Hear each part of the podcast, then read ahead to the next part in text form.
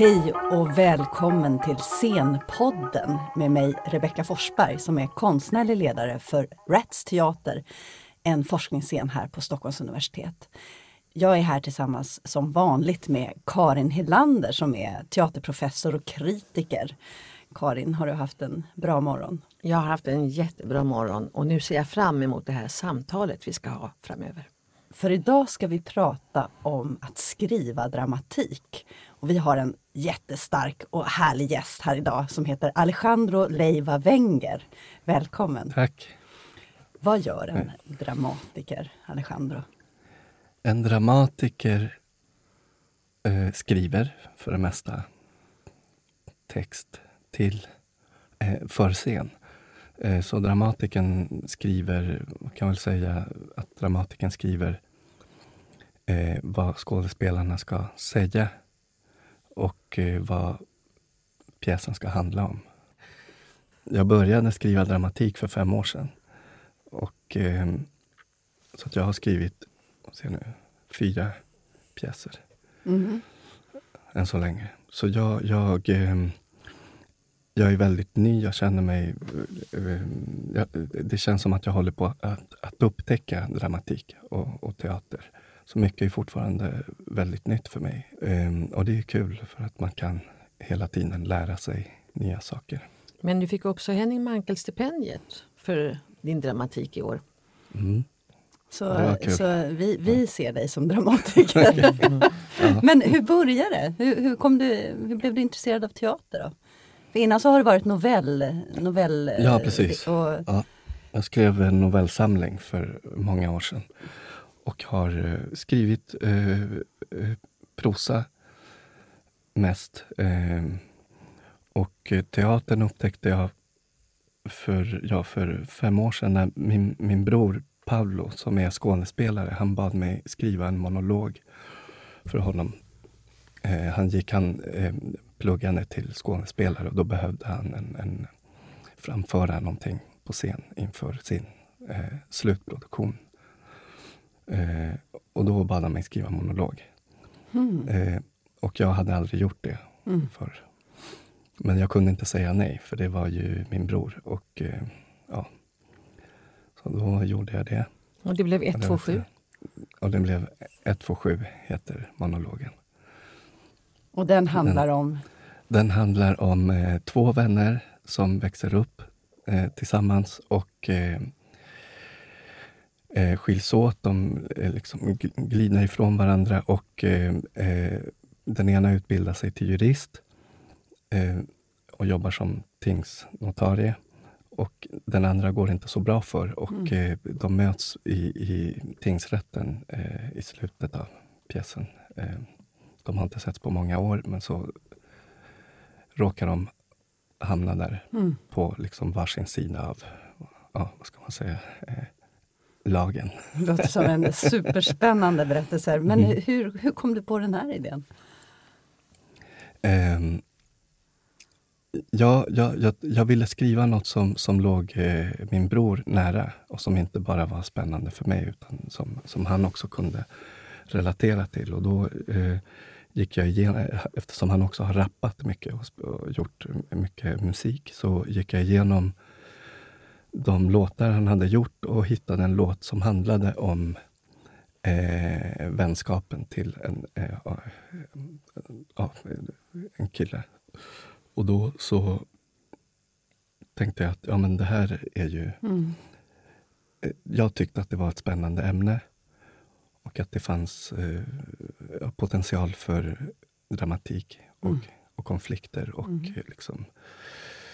Eh, så att eh, då, jag utgick från den låten och sen hittade jag på eh, resten. Jag ville inte att det skulle bli självbiografiskt. Eh, jag ville att det skulle vara fiktion. Mm. Eh, ja. Jag, kommer ihåg, jag kommer ihåg när den gavs på Stockholms dramatiska högskola, för det var som du sa en slutproduktion. Och eh, det är ett moment där eh, skådespelarstudenterna ska ansvara själva för en produktion och se till att det kommer ut text och regi och eh, skådespeleri och musik och ljud, allt det man vill ha. Och jag minns den just därför att den var så oerhört bra och att det var en sån enormt skarp och intelligent och kvick text. Men också att Pablo gjorde den väldigt, väldigt mm. bra, var helt lysande. Och vad som var så eh, speciellt var också att både texten och i skådespeleriet så är den här berättaren då, juristen Carlos, han, han tecknar med väldigt lätt hand en väldig massa olika människor han mött i sitt liv. Och från väldigt olika sociala världar. Och att det, eh, både texten och Pablo fångade alla de här rösterna. Och det var olika vad gällde klass och etnicitet och, och eh, ålder och ja, egentligen allting. Kön. Det, eh, och då tänkte jag så här att den här personen som har skrivit den här texten. Och det gick rykten om det. För man undrar vem har skrivit den här jättebra texten? Ja. ja, det är hans bror. Det är hans bror, har Pablo bror skrivit texter. Ja, så. Eh, men att du måste ha en väldig förmåga att lyssna in dig på hur människor låter i väldigt olika sociala världar och kunna fånga de här olika sociolekterna. Uh, tjuvlyssnar på folk för att få den här autentiska tonen? Mm. Ja, det gör jag. Och, eh, inte, inte medvetet, utan jag, jag tror att jag, jag, jag intresserar mig för hur folk pratar. Jag har alltid tyckt att det är kul att och, och, och lyssna på hur folk pratar och det, det fastnar liksom i huvudet. Det, det, det, är något som, som jag inte tänker på, men, men, men eh, alltså, jag, Pablo och min, alltså min, Felipe, min andra bror, vi har alltid också tyckt om att härma folk. Vi har alltid härmat folk. Eh. och, och, och, liksom, och då, så att det har varit något som har funnits där. Vi har alltid tyckt om, för det, jag tror att det gäller Pablo också såklart, för han är skådespelare. Och, eh, men är det så att du till och med på tunnelbanan kan sitta och tjuvlyssna och sen gå hem och skriva av de här replikerna som du hör? Eh, ja, det, det händer. Att eh, I tunnelbanan eller var som helst egentligen. Så antingen så, eh, så kommer jag ihåg det och sen så kan det hända att det kommer med in, i, i någon pjäs. Eh, och ibland så skriver jag ner vad folk har sagt. Eh, att, eh, och jag, jag, jag tror att det, att det är eh, viktigt för författare och, och dramatiker att lyssna på hur folk eh, pratar.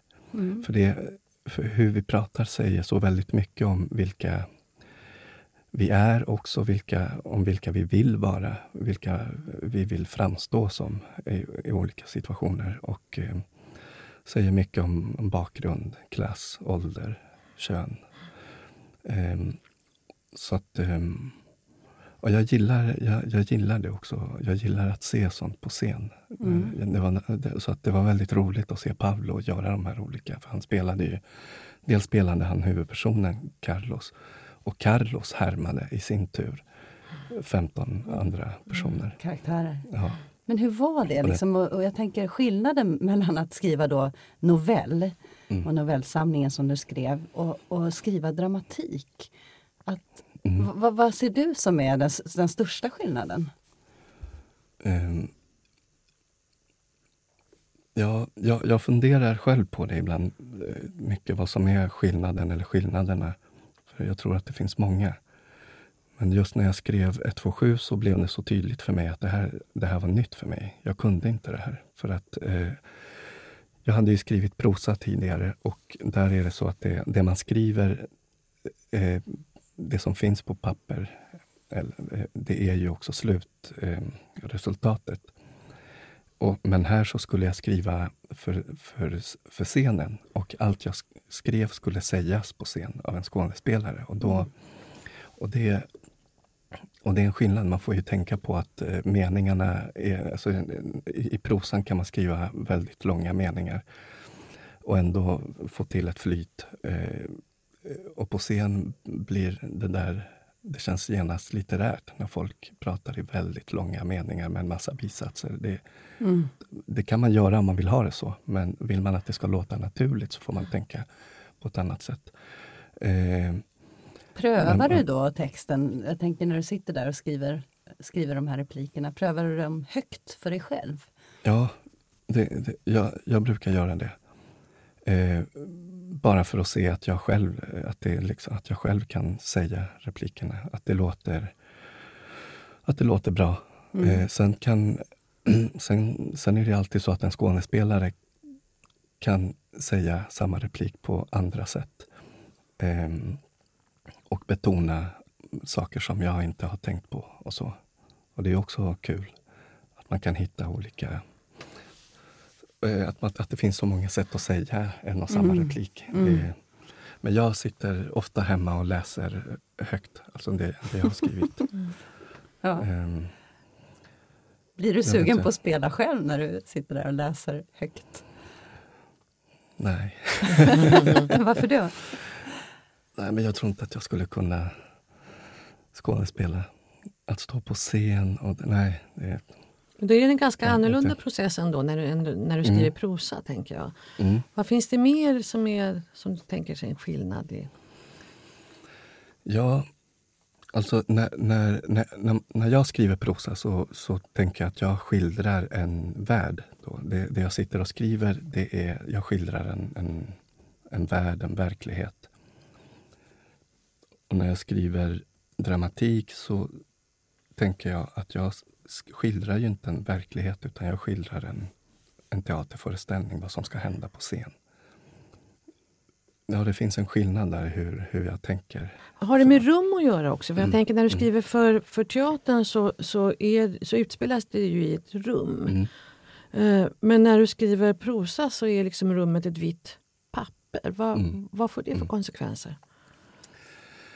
Ja, när jag skriver prosa så brukar jag, jag brukar tänka mycket på att läsaren kommer ju se de här bokstäverna. Och läsaren sitter och håller i ett papper. Och då är det på något sätt scenen. Eh, jag har, när, jag, när jag har skrivit prosa så har jag ofta arbetat med typografin och eh, jag, jag, gillar att utnyttja det faktum att man sitter och håller i en bok. Eh, man kan bläddra tillbaka. Ja, en, en novell jag skrev där är man tvungen att läsa novellen eh, och, och liksom hoppa och läsa varannan rad och sen gå tillbaka och, och, och läsa resten. Och det, så går det inte att göra när man skriver eh, för scenen, för det där kommer inte att synas. Och det, eh, så mycket av den prosa jag har skrivit är ganska omöjlig att läsa högt. Mm. Eh, men dramatik måste gå att säga högt och, framföra på scen. Så, så det är en skillnad där i hur, hur jag tänker. Plötsligt så får jag för mig att, jag, att på ett sätt kanske skillnaden är extra stor för dig som författare då att skriva prosaverk och för drama, mm. dramatik. Och jag tänker att det kanske också är det som gör att, att dramatiken blir så levande. Just att det här att du har känsla för de här liksom, hur folk talar och replikskiftena. Mm. Folk som pratar i mun på varandra eller som hugger eller korta små mm. satser som säger väldigt mycket om en människa, en situation. Att du, mm. och den där pulsen och rytmen. Jag tänker, du sa du har två bröder som är rappare.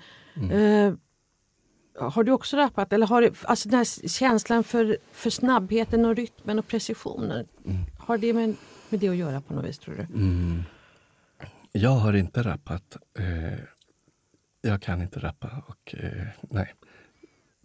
Jag skriver ju också så som jag själv... Eh, alltså när, när, jag går på teater så tycker jag om att leva mig in i en värld, en fiktion. Jag vet ju att jag sitter på teater, men jag vill gärna liksom, så långt som möjligt glömma bort att jag är på teater. Jag vill glömma bort att det finns en författare, ett manus, en regissör. Jag vill verkligen tro att de här människorna på scen finns på riktigt. Mm. Ehm, och, och, därför så, så vill jag också att de ska prata naturligt. Det, det, ska, man ska liksom glömma att det finns en författare. Så är det inte riktigt när jag skriver prosa. Ehm, av någon anledning så, så kommer språket fram på ett annat sätt där. Ehm, där så vill jag att, man, att språket ska skava och eh, sticka ut. och eh, ja. Mm. Men, men, du är ja, mer synlig, synlig i prosan än, på scenen ja. Mm, som författare då. Jag tänker också på det här med som vi pratade om med lyssnandet. Är det mm. någonting som man kan träna upp? Är det någonting som du har haft med dig som, som barn? Att du har lyssnat på samtal eller mm. följt vad, vad folk pratar om? Och... Eh, jag, jag, tror att jag har gillat det eh, ända sedan jag var barn. Eh, att, eh, för, för, jag har ju... Eh, eh, ja, som, som, sagt så tyckte jag om att härma folk också, när jag var liten. och, och, hur folk pratade då var ju centralt. jag brukade härma min familj och släktingar. Så brukade jag, ha, jag brukade liksom ha shower när jag härmade. Stand-up comedy i familjekretsen. Och, ja, exakt. Och, så att det där hur folk pratar är, det, det, det, är intressant tycker jag.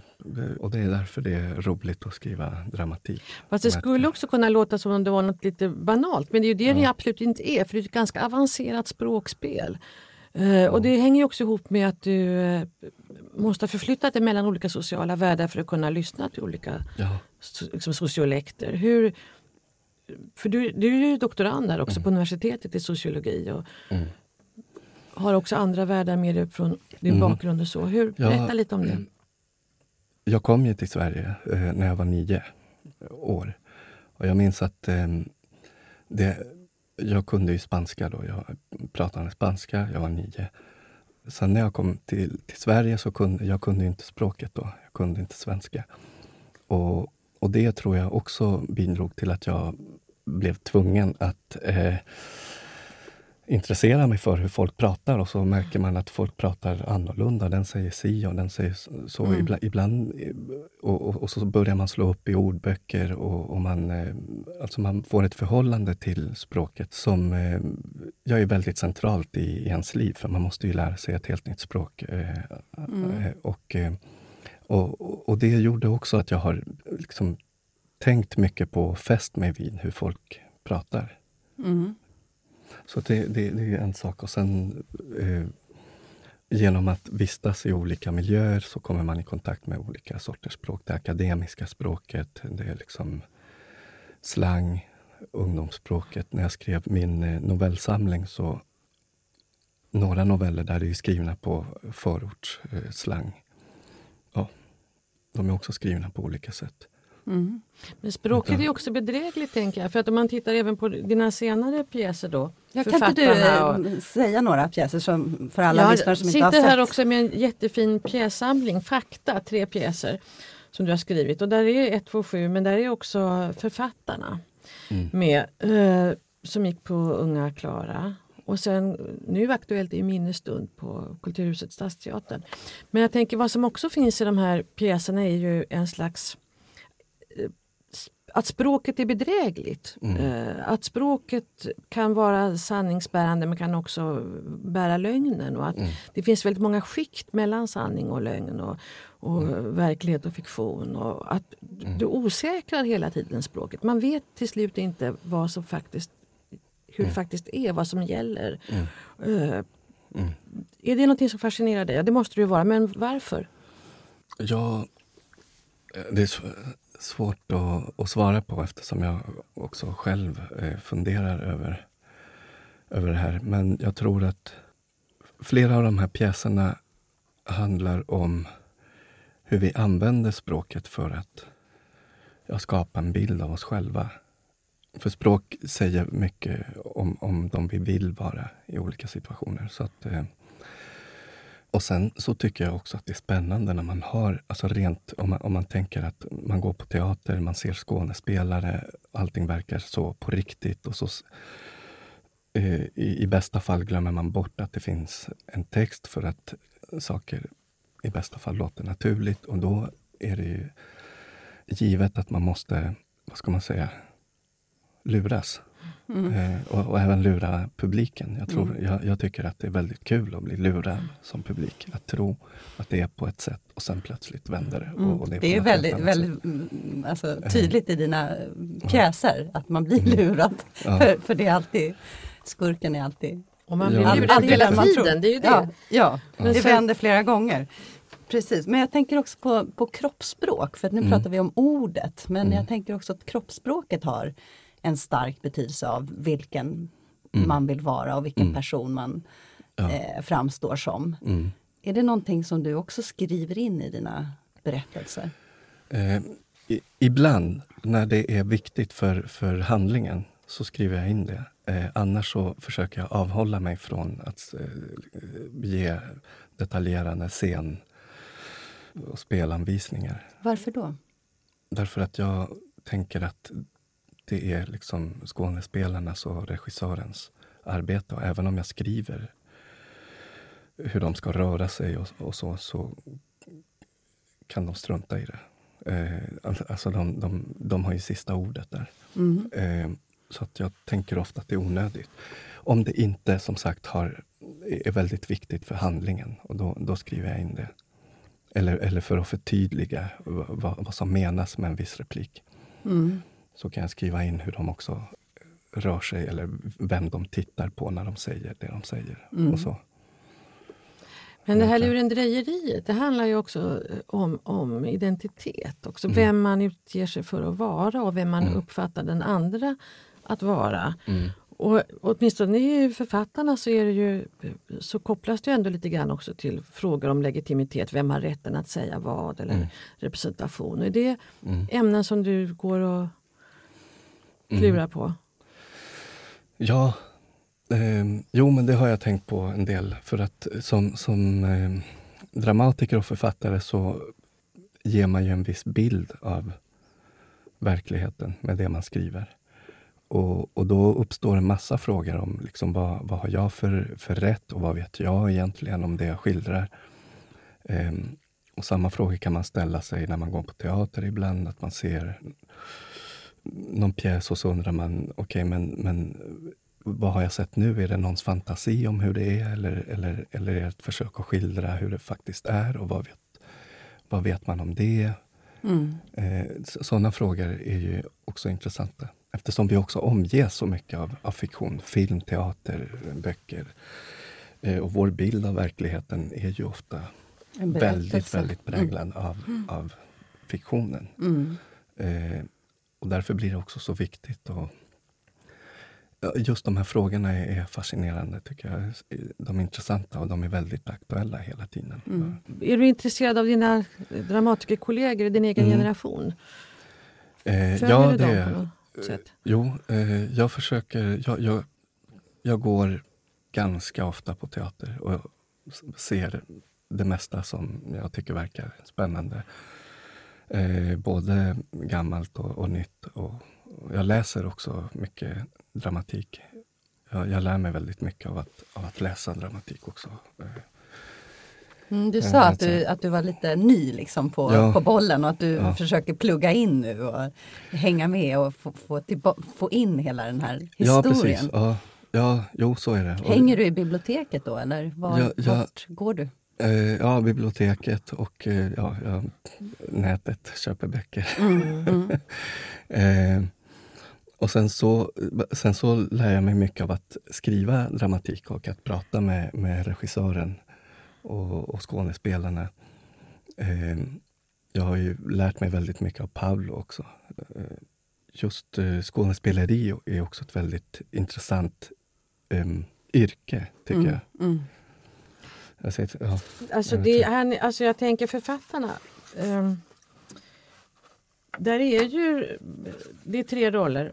Eh, ja, på scenen var det Mm. fler egentligen i Unga Klara. Men en är ju författare ja, och en är skådespelare. Och visst Ja. var Pablo och spelade författare på ja, urpremiären. Alltså den, den pjäsen är ju den är helt påhittad. Och det är samma med Minnesstund. Och, Kan ja. du inte berätta lite om vad det är för pjäs? ja, Minnesstund är en pjäs som eh, gick på Stadsteatern i Stockholm. Och eh, den handlar om en, en, en kille i ja, 35-årsåldern som en gång, eh, en dag eh, blir eh, uppsökt av en kvinna som säger att hon är mamma till en gammal gymnasiekompis. Och hon säger att eh, den här gymnasiekompisen, Zacharias, har dött. Och då ber hon eh, Jon, som han heter, att komma på en minnesstund hemma hos familjen. Och Jon säger eh, ja, Han han tackar säger ja han där på tackar ja. stående fot. Ja, eftersom han inte vågar säga att han inte minns den här vännen. Eh, Han har ju glömt honom. Ja. Och sen så försöker han liksom Ja, han försöker ju gräva i den där. Och vem, vem är den här Zacharias och varför har jag glömt honom? Och sen så går han på den här minnesstunden med sin eh, flickvän. Eh, och tvingas liksom svara på en massa frågor. För alla utgår ifrån att han var en av Zacharias bästa vänner på Mm. gymnasiet. Men han själv minns han inte det. Men han tvingas eh, låtsas, för han vill inte såra den här familjen heller. Han tycker, och ju längre han... Det blir svårare och svårare för honom Lögnen att blir dra sig ur. större och Ja. större. Han snärjer in sig mer och mer. Ja, precis. alltså man sitter med en klump i magen som Ja. publik och känner bara nej, Nej. sluta, Ja. ljug inte mer nu. Och så gör han det och sen har han också missförstått en del saker som mamman har sagt så han utgår ju från att Zacharias är präst. eh, så, så att han... Ja, ja, och det blir bara jobbigare och jobbigare. Och, och till slut... Och han är absolut inte präst ska vi, Nej, kan vi säga nej, här också. Nej. Och Ja. eh, ja... Eh, Det blir, det blir liksom klurigare och klurigare intrig. Ja. Och man sitter på nålar hela vägen där. och sen finns det då en vändning på slutet där man fattar ja, mer hur, hur det ligger till. Och, ja, Och det handlar också om lögn, tänker jag. Hur lögnen ja, eh, kan också, eh, alltså hur man Mm. flyr in i lögner för att Mm. man har behov av att bli, som, som han har då, Mm, Jon, mm, mm. eh, omfamnad av en familj som han saknar. Och bli, bli viktig. Ja. ja, precis. Han får ju en väldigt eh, speciell eh, mm, roll på den här minnesstunden. Därför att han antas vara, minnas saker som ingen annan minns. Och, eh, så att, eh, han, Han blir väldigt upphöjd Ja, som person och alla är Ja, intresserade av vad just han tycker ja, och tänker. tycker. Ja.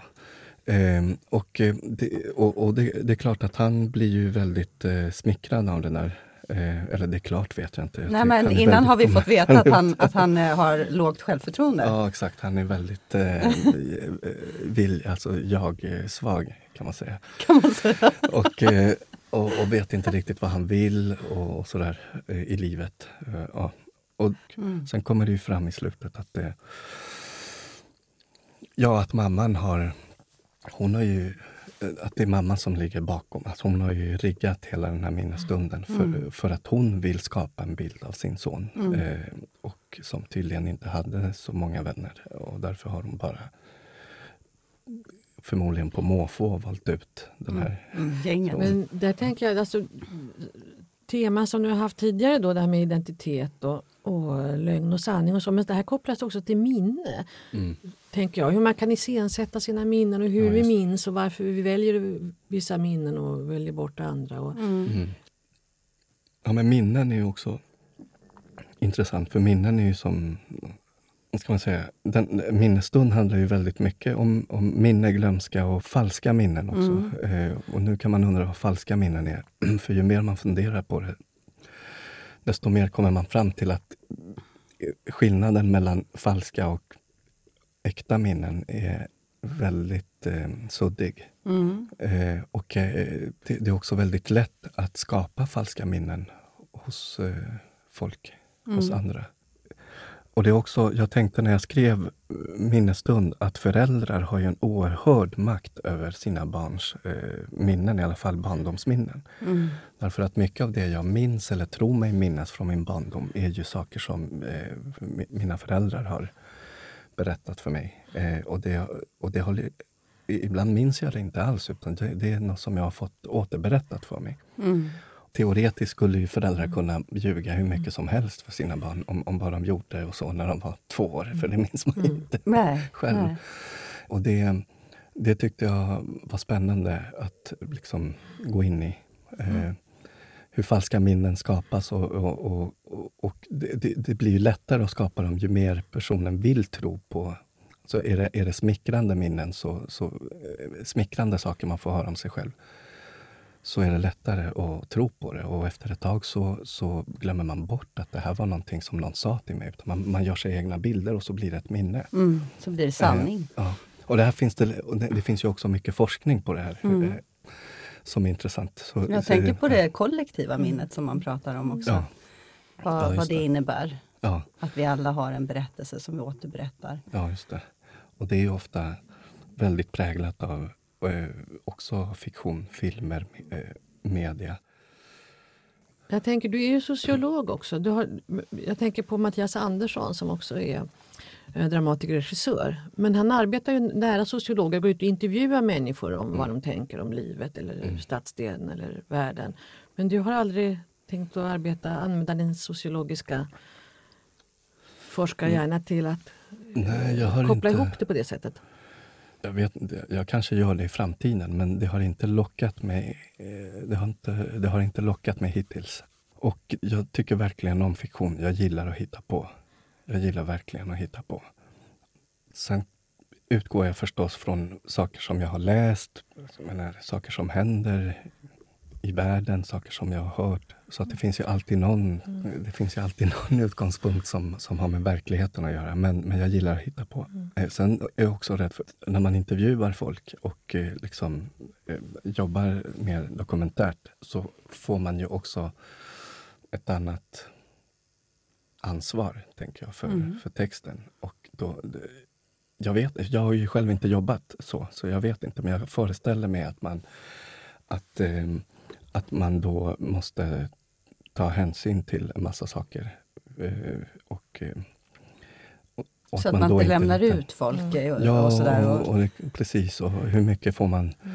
För jag tror inte att jag skulle kunna låta bli att hitta på mm. även i ett sånt projekt. Nej. Jag skulle nog inte kunna... Etiska överväganden som man har med sig som Ja. forskare i alla lägen. Ja. Liksom. Men det där är ju rätt intressant. Karin, tänker jag, det här med att man jobbar nära forskningen eh, som, som dramatiker eller regissör. För det kommer ju mer och mer. Jag har ju också jobbat väldigt så nära eh, besläktat. Men att det finns ett, en ansvarsfråga där, där man också måste tydliggöra i arbetsprocessen att jag kommer att eh, ta det här materialet för Mm, att synliggöra det på en scen. Ja, Men forskaren skriver en artikel Mm. eh, och att vi har olika vägar där hur vi presenterar. Mm. Men att, att den man pratar med vet om Ja, var precis. det här ska landa. jag att det, det, jag tittade på, på eh, motiveringen för att du fick det här fina Mankellstipendiet, dramatikerstipendiet. Och det fick du ju också för att du visar socialt och politiskt engagemang och intresse för Sveriges förhållande till omvärlden. Så att det finns ju då ändå en stark politisk och social dimension i det du skriver också som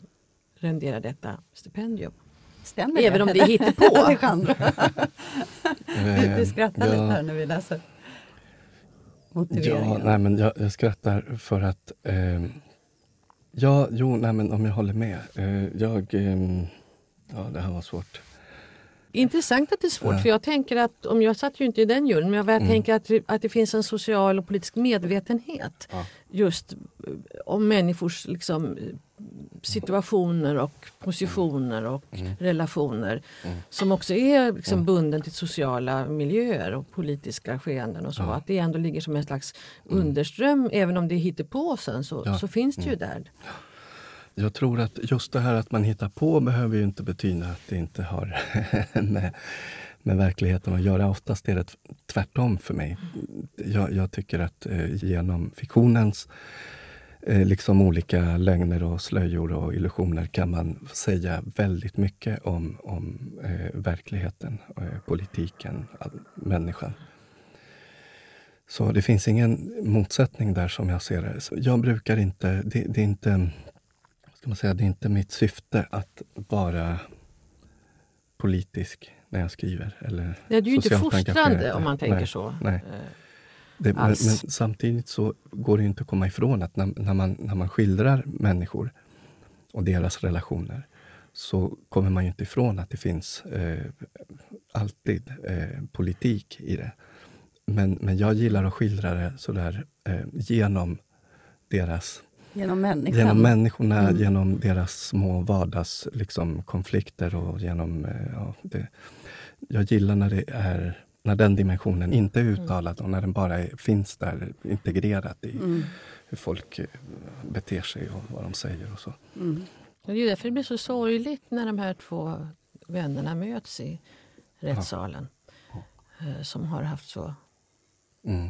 väldigt olika liv men Mm. från samma kärna.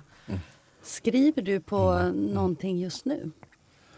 Nej, jag håller på och försöker ja, eh, klura ut vad nästa sak ska handla om. En beställning från en teater, eller? Är det ja, din egen? Ja. ja. Hur, hur går det där till?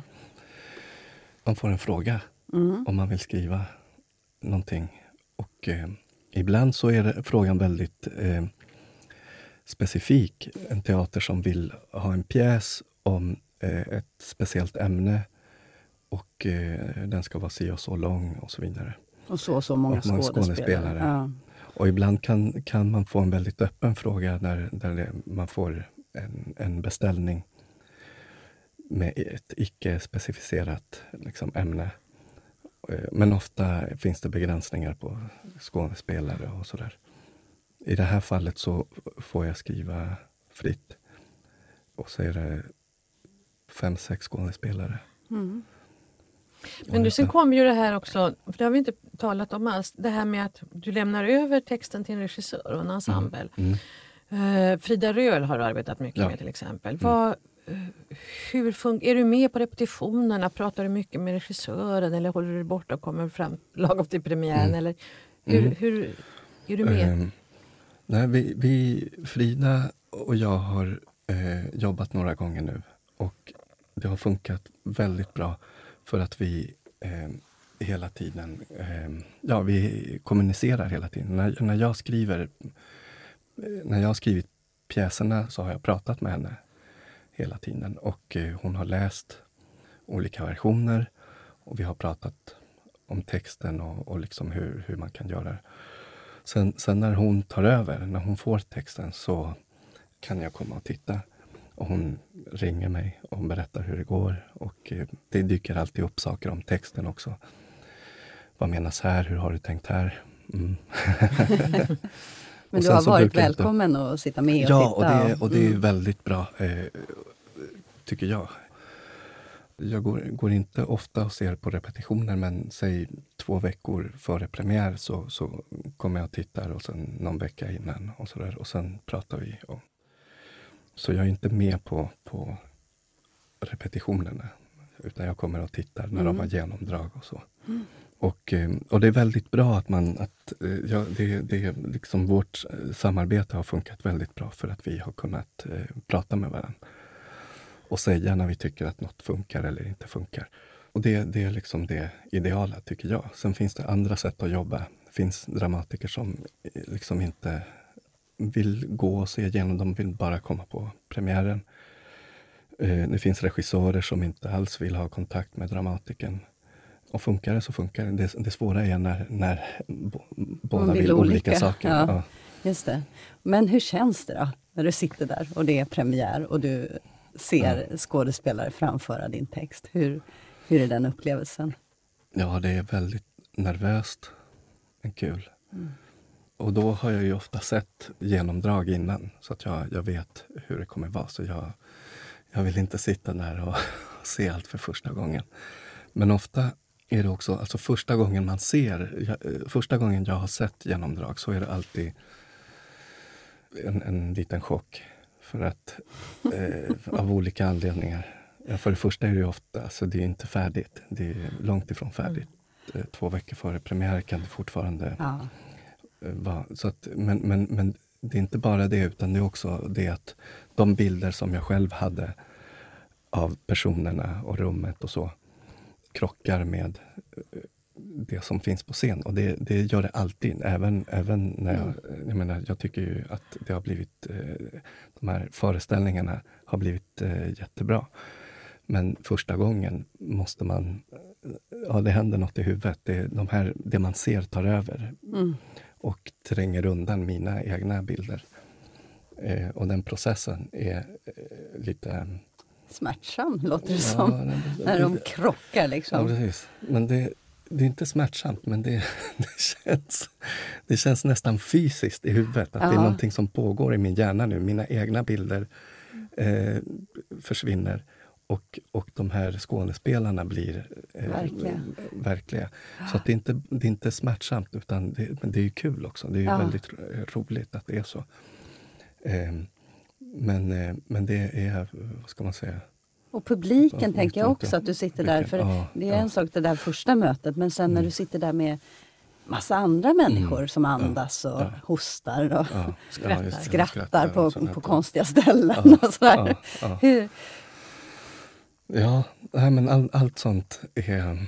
Eh, det, har, det har aldrig varit eh, jobbigt för mig. Det har aldrig varit smärtsamt. Jag tycker att jag har haft tur. Eh, jag har alltid tyckt om det Frina har gjort. Och, eh, men men det, är, det är speciellt att sitta där och det som eh, under ganska lång tid var en, rätt så privat. Alltså jag satt där ensam med den här texten. Och, mm och, och eh, hade mina egna bilder och, och sådär. För när jag skriver så, så är premiär väldigt eh, långt bort. Väldigt, och, och nu så sitter man där med, med andra människor som... Ja, det, det, ja, Kan du bli förvånad? Kan du bli förvånad över att din text eh, låter framförs, gestaltas Mm. på ett sätt som du inte har tänkt på? Ja. Eller som, Det, det, det blir jag ofta förvånad över. att För jag har ju min tolkning och det är ju verkligen en tolkning av det jag har skrivit. Jag ser det så. Det, det, det är en tolkning. du ser sen inte så som facit. Nej. Eh, även om jag ibland kan ha starka åsikter om hur någonting ska... Eh, om vad jag, vad jag menar med, med någonting. Men, men eh, det, det kan tolkas på så många olika sätt. Och det är det som gör teater spännande, tycker jag. Eh, men då får man som författare ta ett steg tillbaka och faktiskt bara acceptera att det, fin- att det finns olika sätt att, att tolka eh, en scen. Och, eh, och det här kollektiva, liksom, att det är det som är teaterns Ja, och det är styrka. många så precis. Och det, är Mm. väldigt, alltså det händer ju så mycket med, med texten. Alltså det är så mycket annat som ska till. För Men att, går för du hem och, och skriver om repliker och sådär när, ni, när de repeterar? Mm, det hände med, med 127. Mm. Första gången hände det att, att jag skrev att där, och där blev ju Paolo blev lite trött på mig för att jag ändrade da, liksom dagen före premiär. Ja, det får kom man och inte sa, göra." Nej men det här, nu, det här måste ändras. Liksom. Det, det här var inte bra. Ja. Men eh, Det kan vara svårt för skådespelaren att, att liksom Ja, lära ja, om dagen innan en Ja, premiär. exakt. Ja. Eh, det, kan ju, jag, det, här, det kan ju vara Ja. svårt om, om eh, man får ny text dagen innan en premiär. Det kan vara svårt att lära sig. ja, ja nej, men det, det ska man inte göra. Men i det här fallet så var det bara var vi brorsan. ju var bröder. Så att, eh, eh, men, eh, men annars så, så har det faktiskt inte hänt. Inte, inte så nära in på premiär att, att man ändrar i texten. Men det här, är, det för, är det stor skillnad på att skriva? För att jag tänker både 127 och författarna så visste du väldigt väl vilka som skulle spela. Dessutom Mm. är din bror. Eh, och sen minnesstund. Nej. Visst, du visste du inte alls ensemblen. Vad, Nej, vad är skillnaden både i själva skrivandet då, när du kan liksom fantisera om hur just den här personen kommer att liksom säga texten till en liksom blank Mm. ensemble? Nu när jag har skrivit Minnesstund så tyckte jag att det var, det var rätt skönt att inte veta vem som skulle spela de här rollerna. Eh, så att, eh, det var bra. Å andra sidan så var det också lite läskigt för att jag vill ju att skådespelarna ska tycka om sina roller och eh, att de ska gilla att säga de här replikerna. Och det vet man ju inte om man inte vet vem som ska spela. Så att det, det finns både för och, det finns för och nackdelar med, med bägge upplägg, tänker jag. Eh, sen när, när, man skriver för, när, när jag har skrivit för bestämda skådespelare så det, det är ju bra för att jag kan prata med dem och liksom fråga. Ibland har jag, om någon har varit bra på att prata dialekt så, så har jag ibland försökt ta in det i historien. ja, precis. Mm. Eh, jag minns att vi gjorde så i, i, i Författarna. Eh, och, så på, på det sättet är det ju bra. Eh, och, och på ett annat sätt kan det vara begränsande därför att man, man vet att aha, men det, här, det vore ju så bra om jag skrev den här rollen si och så men jag vet att den här skådespelaren inte kommer liksom gilla det. Och, och sånt kan vara svårt. Just det, så att man begränsar sig lite i det. Ja. Men Ja. det här med att då se sitt verk eh, gestaltad av skådespelare som du inte alls hade tänkt på när du skrev. Vad, vad, Mm. blir förvåningen ännu större då? När du ser resultatet? Ja, det blir det. Förvåningen blir eh, större. Men också det, det, det lustfyllda tyckte jag. Att det, det var, blev så väldigt roligt att och liksom se. Du blev överraskad själv? Ja, ja. Har du någon du. disciplin när du skriver? Är det sådär äh, mellan den och den tiden? Eller hur ser, hur ser din skrivardag ut? När jag skriver så har jag disciplin. Frågan är när jag inte skriver och eh, måste börja, att jag drar ut på det för länge. Eh, men när jag väl kommer igång så, så skriver jag var, ja, i princip varje dag. Eh, från ja, morgon till eftermiddag. Måste du vara på någon ute. speciell plats när du skriver? Nej, jag måste, ehm, jag måste ha tyst. Jag märker att jag har blivit mer och mer lätt, lättstörd av med åren. Och, eh, och så måste jag ha en bekväm stol. Förut kunde jag sk- skriva på golvet, men nu är jag 40. Och men, ja, nej, men, och annars så behövs det inte så mycket. Hur mycket har du bestämt då? När du skrev minnesstund, hur Mm. mycket har du liksom bestämt av handlingarna, av karaktärerna? Mm, Som du sen liksom fyller i? Eller ja. ja, precis. har du Ja. slutet klart för när du börjar? så att säga? Ehm, slutet brukar jag ha klart. Jag måste veta hur det börjar och hur det slutar. Så att jag, jag har ofta tänkt ut en del av pjäsen, en del av handlingen när jag sätter mig och skriver. Och sen så skriver jag och eh, så kommer man till en punkt och man tänker okej, och eh, vad, vad ska hända nu? Och här behöver jag kanske något, någon, någon eh, vad ska man säga, ja, eh, lösa ett problem. Ofta handlar det om, om, om att lösa olika logistiska problem också, när man skriver. Mm. Om, eh, jag menar, om en person i en scen sa att den ska iväg till affären så, så kan den ju inte vara med i nästa scen som utspelar sig en minut senare. Utan då måste den gå och då måste något hända mellan de andra och sådär. Sådana saker kan man hålla på med eh, länge. Ja. Med något slags tillbaka. skelett när du, när du väl sätter dig på den där sköna stolen och ska precis. börja. Ja, ofta Har du? Ja. har jag eh, liksom antecknat vad, vad det ska handla om. Och jag har någon grov eh, liksom, skiss och eh, jag har också funderat eh, över, över eh, karaktärerna.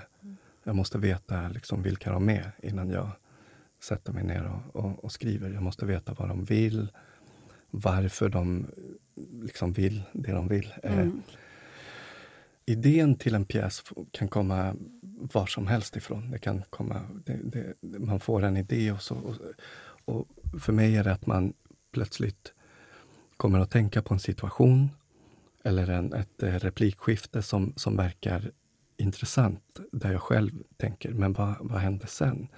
Och, eller vad hände innan? Hur hamnade de där? Mm. Och det är sådana frågor som får mig att, att tänka vidare. Mm. Och ibland kan det vara väldigt... Alltså jag, det är intressant det här vad man fastnar för och vad som... Ja, vad man går igång på. För det kan vara väldigt... Eh, alltså saker som ingen annan ser någon potential... Alltså det kan Mm. vara helt banala saker. Som någon annan kanske, men vadå? Vad, vad, och man kan höra, eller så kan, man kan se, man kan höra någon berätta en jättespännande historia men man, man, man går inte liksom själv igång på det. Mm. Eh, och sen kan någon tappa en cigarett och, och plötsligt så ser man någon, någon, något uppslag till... Är det någon pjäs som du tycker att man ska börja med om man ska läsa dig? minnesstund. Därför att ehm, jag tycker att den är ganska enkel. Jag skulle vilja att man eh, läste och såg den eh, för att det finns eh, ett glapp mellan text och föreställning där, tycker jag, som är intressant. Och där ser man verkligen vad skånespelare kan göra med en text. För ofta, just med minnesstund, tror jag att det är så att man kan läsa den och tycka att den bara är sorglig och andra tycker att, den är, att det är en komedi. Och det där minns jag att vi eh, och Frida eh, och skådespelarna jobbade väldigt mycket med för, för att eh, en och samma scen kunde göras farsartad eh, och rolig eller väldigt sorglig. Och det, och det hängde på så lite. Liksom. Vad, Mm. vad betonade man? Det är intressant. Det är jätte, Ja, det ett jättebra tips. intressant jag. för mig också att Ja. se hur... Ja. Mm. Tack Alejandro Leiva Wenger för att du kom hit till oss idag och pratade att skriva dramatik. Det har varit fantastiskt intressant, eller hur Karin? Ja, det har det verkligen varit. Vi har lärt oss mycket. Tack, det var jätteroligt. Och ni som vill läsa mer, eh, beställ boken Fakta eller gå in på ett bibliotek eh, och läs eh, tre pjäser av Alejandro. Eller Minnesstund, gå och se den. Vi är tillbaka om två veckor igen med en ny spännande gäst, så missa inte att lyssna på oss då.